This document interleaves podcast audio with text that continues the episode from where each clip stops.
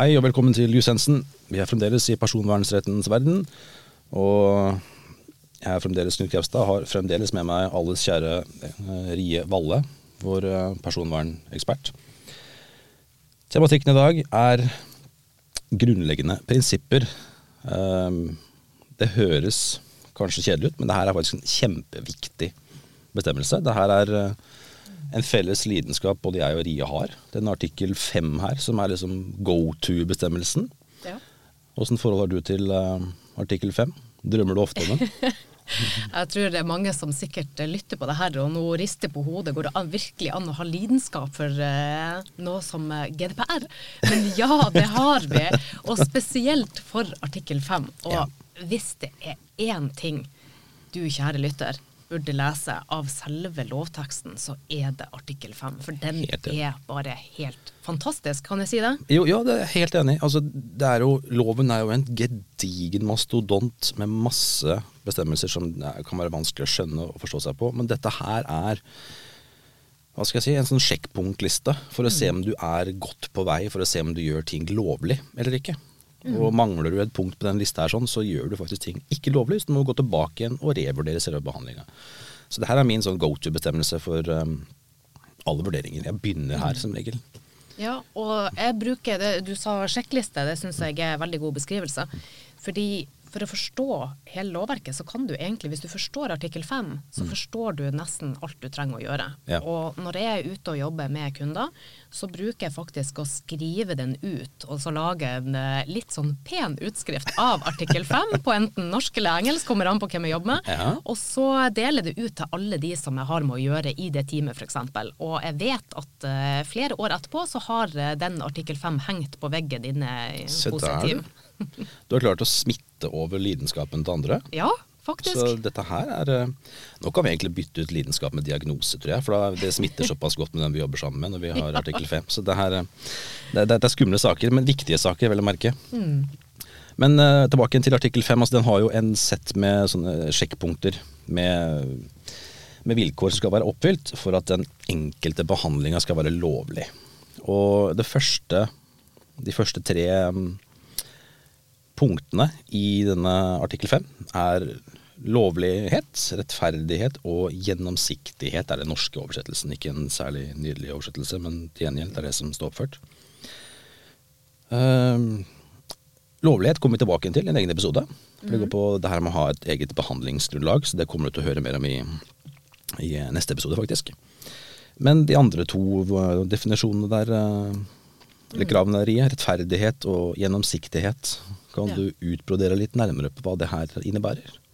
Ja, og det her er jo en av grunnene til at jeg syns at eh, GDPR og personvern er veldig bra for samfunnet vårt. Fordi at det handler om grunnleggende menneskerettigheter, og det handler om at vi skal eh, behandle personopplysninger rettferdig, f.eks. Ja. Og i det så ligger det f.eks. at eh, du skal ikke manipulere folk til å gi mer personopplysninger enn du trenger, f.eks. Eller å få dem, lure dem til å samtykke til noe som de kanskje egentlig ikke har så lyst til å samtykke til. Nei, sant. Og vi kommer jo eh, tilbake til eh, behandlingsgrunnlag, som du sa, og hva er et samtykke og alt det. Men eh, jeg tenker det kan være verdt å nevne at det europeiske personvernrådet, IDPB, Mm. har jo også sagt til og med at et samtykke vil ikke anses som gyldig hvis selve behandlinga anses som grunnleggende urettferdig. Aha, ja. Så der ja, men da er vi tilbake til det her med rettferdighet og litt sånn ære og samvittighet på en måte. Det er en Ja. bestemmelse som er sånn oppdragende for Ja. sektoren, forhåpentligvis. Selv om det tar sin tid før alle blir riktig oppdratt. Da. Men så lenge du har et behandlingsgrunnlag, og du er åpen og ærlig på hva du faktisk bruker opplysningene til, og du gjør det på en rettferdig og det som er ansett som en rettferdig måte i samfunnet, så er du dekt opp på første vilkår, vil jeg si. Og da er vi på vilkår nummer to. Formålsbegrensning. Der har jo du allerede sagt noe i episoden om sentrale definisjoner. Om eh, din tanke rundt formål, og her er jo det egentlig tanken at du skal bruke opplysningene til det formål du har henta det inn til. Ja. Og da skal du ikke begynne å bruke det til andre ting. Så f.eks. hvis du da innkaller til et eh, arrangement på skolen, Ja. la oss si det, og så samler du inn eh, navn og e-postadresse til det, mm. så er jo formålet f.eks. å kunne sende invitasjon til Hvis det er digital deltakelse, så vil de jo sende lenker så folk kan koble seg på. Ja. Men det Hvis du da sender den deltakerlista til en uavhengig tredjepart, Mm. som skal da begynne å markedsføre til de studentene, det er vel kanskje ikke helt innenfor formålet? Nei, da er du plutselig på et annet formål igjen, så da har du Ja. brutt den bestemmelsen. Ja. Så bruk det til eh, det du har tenkt å bruke det til, og ikke noe mer enn det. Selv om det er veldig enkelt å bruke det til andre ting enn det som kanskje var omtrent opprinnelige tanken. Neste krav ute, dataminimering. Ja. Det er mitt Den er din favoritt, ja. Dette her minimerer mer om en diagnose, det her sånn. Det gjør det. Ja. Fordi at eh, man kan jo ikke miste noe man ikke har. nei. Så risikoen for databrudd, som eh, du også skal snakke mer om senere, Mm. den øker jo med mengden personopplysninger som du har. Ja. Så hvis man er veldig obs på, og det ligger litt i ordet dataminimering, det handler om at du skal da minimere mengden med personopplysninger som du behandler, Ja. Til igjen det viktige ordet formålet du skal bruke dem til. Ja. Så det her er uh, egentlig et krav som forhindrer deg i en sånn god gammeldags tankegang om at det er kjekt å ha. Så vi samler inn alt Ja. mulig rart bare for det. Vi får sikkert brukt for det en eller annen dag. Det her er bestemmelser som forhindrer den type tankegang. Mm. Så du skal bare bruke det som er desidert nødvendig for å oppnå formålet ditt. da. Ja, og så kan vi jo ta et eksempel, for eh, vi alle har jo eh, sikkert opptil flere hundre apper på mobilen vår. Ja, ja. Og hva er formålet med den enkelte appen? Så eksempel, jeg har en app for eh, digital handleliste som jeg bruker hele tida for å huske på å kjøpe melk og alt det som er. ja. Og la oss nå eh, forestille oss at den appen ber om tilgang til lokasjonen min. Mm. Og, og så kan man tenke, er det virkelig nødvendig for at jeg skal kunne bruke handlelista, som er for at jeg skal huske på å kjøpe ting på dagligvarebutikken? ja, ikke sant. Men de kunne jo f.eks. ha gitt meg muligheten til å samtykke til lokasjon for å gi meg tilgang til de butikkene som er nærmest meg. Ja, ja. Så det går an i tillegg, men strengt tatt så trenger de ikke det for å gi meg muligheten til å ha denne handlelisteappen. Nei, nei, for all del ikke. Godt eksempel, så da har dere skjønt hvordan man må tenke når man sitter her som behandlingsansvarlig og ønsker å bruke opplysninger på best mulig måte. Vi har en, eh, en søt liten, et søt lite vilkår som kom etter dataminimering, og det er vilkåret om at opplysningene skal være riktige. Det ligger egentlig litt i selve navnet, gjør det ikke det? At uh, Sørg for at opplysningene faktisk er riktige før du behandler dem. Ja, og underveis i behandlinga òg, når ting Ja. endrer seg, så må eh, ting oppdateres også. Ja. Og et eksempel der er jo f.eks. hvis man bytter etternavn. Ja. Så må det være muligheter for å faktisk kunne endre det. Og jeg har jo personlig opplevd at uh, et selskap faktisk ikke kunne endre etternavnet mitt, fordi Oi. at uh, det var min, altså Alle brukerprofilene var hardkoda inn i den tekniske løsninga på etternavnet. så de må, var faktisk nødt til å slette kontoen min, og jeg måtte opprette ny, og det var masse styr for å få det til. Og det er for å sikre riktighet i Ja, ja, så klart. Akkurat det her med riktighet, det henger jo litt sammen med en, en rettighet som vi kommer tilbake til litt seinere. Retten til å faktisk rette sine opplysninger. Så vi, den, den henger litt eh, sammen med den, og det vil, vi kommer tilbake til den i en egen, egen episode. Men den er søt og liten, og bør være enkel å klare å håndtere. Nestemann ut er vilkåret om lagringsbegrensning.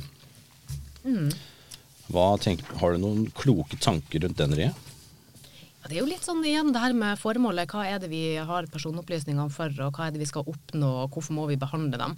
Når det formålet er over, f.eks. arrangementet er avholdt, eller du har avslutta nyhetsbrevet ditt, eller hva det måtte være, så skal man jo i utgangspunktet som en generell regel slutte å behandle personopplysningene. Ja. Og ofte vil det da også bety at du må slette dem. Men ikke alltid. Nei, ikke alltid. Det kan være tilfeller hvor du faktisk må sitte på informasjon. Eh, Det finnes en bokføringslovgivning som krever at du lagrer opplysninger i x antall år. Da har du ikke lov til å slette det, for da får du andre myndigheter på nakken, og det er nesten like skummelt som Datatilsynet, om ikke verre.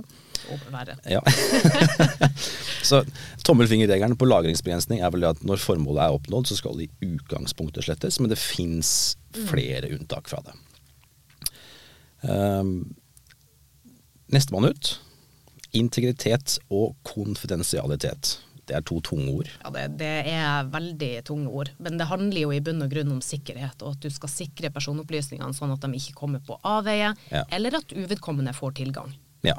Og det her går på tekniske ting, organisatoriske ting, manuelle ting. Så det er, det er ikke bare IT-systemer, det er også romlokasjoner og sånne mm. ting. La oss si at det, En HR-avdeling sitter som regel på mer sensitive opplysninger enn kanskje de andre avdelingene på huset, så kanskje de har begrensa tilgang til Roma, f.eks. Mm. Sånne type tanke, tankegang rundt. Sørg for at opplysningene du sitter på, er sikrest mulig. Mm. Gjerne en god idé å ha en god uh, tone med noen IT-ansvarlige, tenker jeg. Ja, det er alltid nyttig. Det er bra folk, så uh, vær på god fot med ja. Det er her du, det er her du drar inn dem på for uh, all tyngde. Ja. Men vi, vi, avslutter med et vilkår som er Jeg kaller det sånn paraplyvilkår. Vilkår med ansvarlighet. Ønsker mm. du å dra litt gjennom hva i all verden dette her innebærer? Ja, og jeg syns jo den er ganske interessant. Og man burde virkelig bite seg merke i at den er kommet som et eget tillegg. Ja. Så den sier egentlig det at den understreker det ansvaret, det store ansvaret som en behandlingsansvarlig har med å sikre etterlevelse av regelverket. Ja. Så her sier de at ok, nå må du huske på alle de pliktene som vi har gått gjennom eh, tidligere. Mm. Og du må være faktisk i stand til å bevise f.eks. til Datatilsynet at du klarer å etterleve alle de her forskjellige prinsippene som vi gikk gjennom. Ja, så der du. Da har du virkelig fått en eh, overordna forpliktelse der òg. Mm. Men eh, nå har vi gått gjennom alle disse vilkårene. Så hvis du da sitter og vurderer behandlingen din opp mot de vilkårene, og du kan huke av hver enkelt, og dette her er godt innafor, så har du egentlig en lovlig behandling av en personopplysning. Ja, i stor grad. Ja. Mangler du noe, så må du for all del gå tilbake igjen til the drawing board og revurdere ting, så ikke du eh, driter deg ut. Mm. Men eh, forhåpentligvis så har vi klart å smitte over noe av lidenskapen for artikkel 5. Men det er, om det så ikke har blitt smitta over i lidenskapsform, så er det i hvert fall veldig viktig å forstå at det her er en ekstremt sentral bestemmelse. Ja. Så flott. Da tenker jeg vi runder av denne episoden der, så høres vi i en annen episode. Supert. Takk for i dag. Yep, hei.